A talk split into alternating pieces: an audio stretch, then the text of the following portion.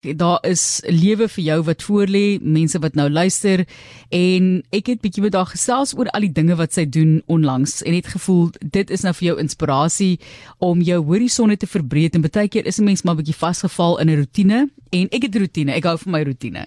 Ek eet presies dieselfde dag en ek oefen presies dieselfde tyd van die dag en al daai tipe van dinge, maar iewers moet 'n mens bietjie uitbreek en jouself stimuleer op 'n ander vlak en ek verwelkom vir Annelien Hopkins in die ateljee en Ons gaan bietjie praat oor hoekom en wat die motivering is daar agter en jy lees ook baie wyd Annelien, baie welkom. Baie dankie, dis lekker om julle te gesels. Dankie vir die voorreg. So kom ons praat net gevinnig oor hoekom. Wat is die drif wat jy ervaar? Kyk, ons gaan nou praat oor alles wat jy doen, maar ek meen om in 'n latere stadium in jou lewe te besluit, jy gaan nou deur Kaap toe en dan gaan jy nou by 'n agentskap audisies doen om sommer 'n rol te vertolk in advertensies en films. Waar kom dit vandaan daai drif? Ag ek dink mens kom op 'n stadium in jou lewe dat jy alles opgeoffer het vir jou kinders en jou man en dan besef jy maar jy wil iets graag vir jouself doen.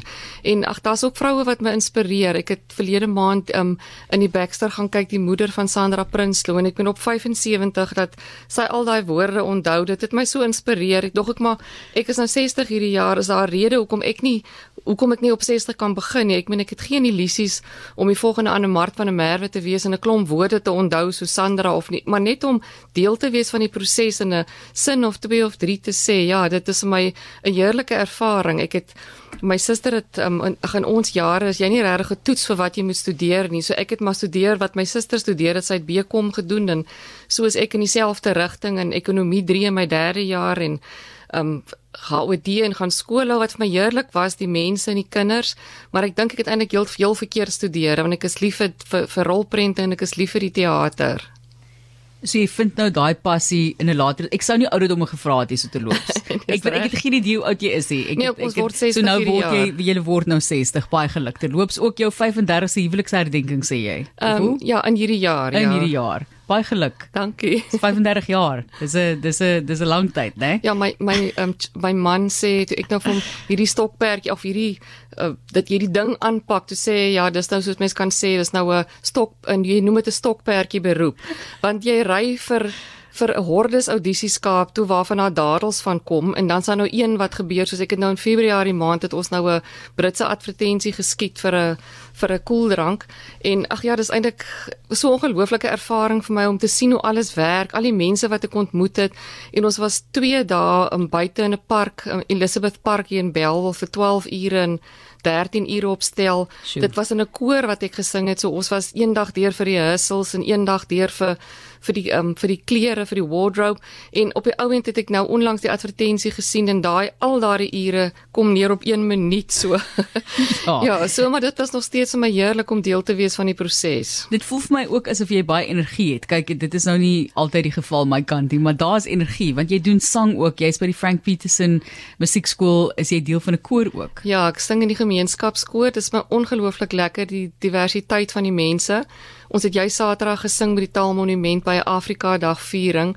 So dit is net vir my ehm um, ja ek ek baie keer as mens nie in 'n in 'n lekker by as jy op 'n maandag aan moet gaan koor oefen nie, maar as ek daar terugkom as ek 'n ander mens. So ja, dis ja. my wonderlik. Nou kyk, ek moet nou sê jy weet wie's nou 'n familielid van haar want ek wou nou gevra het oor duidelik het jy 'n passie vir kuns, vir aktrise, vir sang, daai tipe van ding en die bekende Marcel Hopkins wat jy ook ken vir boersoeke vrouens so, dit is haar ma wat hier sit so terloop. So ek kan ook sien waar kom daai pragtige voorkoms vandaan.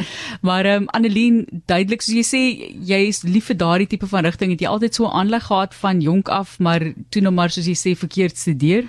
Ehm um, ek dink nie ek was regtig so blootgestel daaraan as kind nie. Ek bedoel ons het vreeslik blootgestel aan sport. Ek het provinsiaal in atletiek en in in netbal, maar ons is nie regtig so blootgestel nie. En en ja, en ek het ook net gevoel dat hierdie ehm um, die ryery nou so vir die soos vir die castings wat mense nou maar baie keer ry na gebeur daar niks net ek ook intussen audisie by by oorklank vir klankwerk. So dit is jy weet jy het 'n afspraak en jy gaan en jy weet jy gaan vir daai uur werk. So ek het nou aanvanklik eers um allerlei karakters gedoen. Dan's ek nou soos 'n streng nuusleser of dan's ek nou die platlandse tannie goeiemôre mevrou of die tannie wat met 'n lekker platlandse aksent praat so, maar nou onlangs het ek 'n klein rolletjie gehad van 'n vrou wat omtrent my ouderdom is En dit was my heerlik geweest om bietjie in haar karakter in te kom. So jy sit in die um, ateljee met 'n klankingenieur en 'n regisseur. So die regisseur sal nou sê nee, sê dit bietjie meer so of sê dit bietjie weer sis so hulle voer reekse in of hulle kry reekse van Turkye wat hulle dan oorklank in ja. Afrikaans. Maar is dit hierdie vrou wat jy wat hulle gesê het so bietjie soos Angela Merkel moet lyk nie? Is dit 'n um, ander rol? Dit is dit is iets anders. Dit, dit is daai G20 okay. fliek wat ek nou nog niks van gehoor het, wat vir die presidentsvrouens moet wees. Ja. Jo, sy moet 'n presidentsvrou. Nee, dit daar het ek nog niks van gehoor nie. Soos ek sê, jy moet maar ja. jy moet audisie nou moet jy vergeet daarvan. Maar jy praat nou hiervan, ek gaan nou hierdie stem gebruik en ek gaan hierdie streng nuusleser wees. Jy het die opleiding daarin nie. Nee, Waar nie. kom dit vandaan? Gaan sit jy oefen jy by die huis, gee vir mense 'n bietjie idee van hoe jy dit ontwikkel in jouself of is dit 'n natuurlike ding vir jou? Ek ons kom van Calvinia af my ma se mense so ek wil my familie praat so so ja. dit is ehm um, ja ek ek nee ek dink dit kom op 'n manier seker net natuurlik en ek is ehm um, ja, ek, ek kan nie regtig sê dat ek dit nagevors het of iets nie. So ek dink is maar net vir my ek ek sien die ou tannie want hulle speel vir jou eers soos hulle sê eers die foreign, die Turks en dan kry jy nou 'n gevoel van hoe praat die persoon en dan kom jy Afrikaanse lyne. So wat lekker is van die oorklankwerk, jy hoef nie woorde te leer nie, maar dis ook nie net vir aflees nie. Weet jy moet bietjie emosie daarin sit. Ja. Ek het so gelag vir die een um, regisseur toe ek nou so 'n lekker stukkie gedoen het. Toe sê hy vir my Lekker Annelien, jy het dan nou lekker Afri-Turks gepraat. ja, mooi.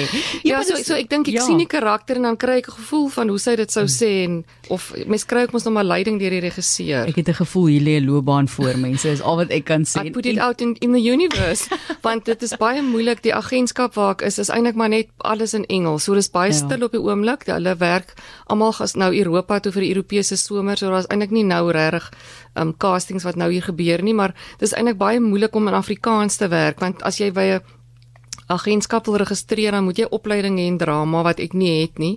So ja, so dis baie moeilik om eintlik in die Afrikaanse mark in te kom. Ek was gelukkig om deur 'n kontak ook in Leymar op Belinda te wees en daar saam met Promilda van Rensburg en Annelisa Weiland te werk wat ek ook my weet so vir my inspirasie is op veral Annelisa. Ek dink sy's ook 74 op haar ouderdom hoe hulle werk. Ja, so dit was my ook 'n heerlike ervaring gewees. Annelien Hopkins wat vir jou sê jy kan ook en sy sê sy word nou 60 hierdie jaar en Ons kyk ook na die feit dat jy later in jou lewe ook hierdie tipe van inspirasie kan ervaar of 'n hele nuwe loopbaan rigting inslaan. En dit gaan nie hier oor loopbaan noodwendig nie dit gaan regtig oor iets wat jy in jouself gesoek het. 'n soeke om jouself in jou eie horisonne te verbreek maar Anlien jy lees ook wyd. Daar's mense wat jou inspireer sê jy? Ja ek nee ek so baie lees nie maar die laaste boek wat ek het ook vroeër die jaar het ek my Musk se boek gelees wat sy ook op ek dink in die 70 nog werk. Maar die laaste boek was nou Untamed Mind Stop Pleasing Start Living van Glennon Doyle. Ja. En dit het ook net vir my my swaalfie skille van my oë laat afval van ek kan doen wat ek nou graag wil doen om my eie horisonne te verbreek. Ja, so dit was en iemand het vir my ook 'n 'n um, link gestuur. Toevallig was daar 'n berig in die koerant vandag van die danser Musa Motta. Ek weet nie of jy dit raak gesien het nie. Dis 'n dis 'n jong man, hy's 'n Suid-Afrikaner. Hy het 'n sy been is geamputeer weens kanker en hy het by Britain's Got Talent het hy op sy kruk het hy gedans dat Ek het regtig onbeskaamd begin huil. Um, en die vier beoordelaars het al vier gelyk die buzzer gedruk om hom te laat deurgaan na die volgende ronde. So dit sê vir my as iemand met een been so iets kan aanpak, ek, ek is gesond, hoekom kan ek nie so iets aanpak nie? Hoekom nie? En dit dit help ook dat jy's 'n baie mooi vrou. Jy het gepraat van ja. Musk Elon Musk se ma, wat 'n fenominale mooi mens is sy nie. Natuurlik ook 'n model oor die jare gewees. Maar Annelien, baie dankie dat jy mense bietjie geïnspireer het vandag. 'n Laaste woord van wysheid van jou vir mense wat dink hulle wil graag iets doen maar hulle is dalk 'n bietjie bang. Um, om net vandag hier by jou te sit en lewendig op radio te praat is regtig vir my uit my comfort zone uit, so uit my gemaksone. So ek dink net gaan net deur die vrees we can do hard things. So ja, ek doen dit net does hy doen dit na onderwysloopbaan twee kinders en 'n man wat ook 'n groot werk het um, wat baie tyd dink ek ook um, opneem in julle lewens sekerlik wat fantastiese werk doen natuurlik maar het jy besluit om vir jouself ook in 'n latere lewe 'n uh, 'n hele nuwe rigting te laat inslaan? Ons sê vir jou sterkte ek ek ek hou duime vir daai vir daai rolle in die toekoms. Dis Annelien Hopkins wat jou bietjie inspireer het om dalk nuwe horisonne te soek in jou eie lewe. Groete daar by die huis en hallo vir Charles, dis jou man. Baie dankie. Um, Annelien, baie dankie. Dankie vir die inspirasie. En mense kan van e-pos stuur as hulle dalk daai name van die boeke soek en Annelien Hopkins wat jou bietjie inspireer het vandag hier op 'n Woensdag.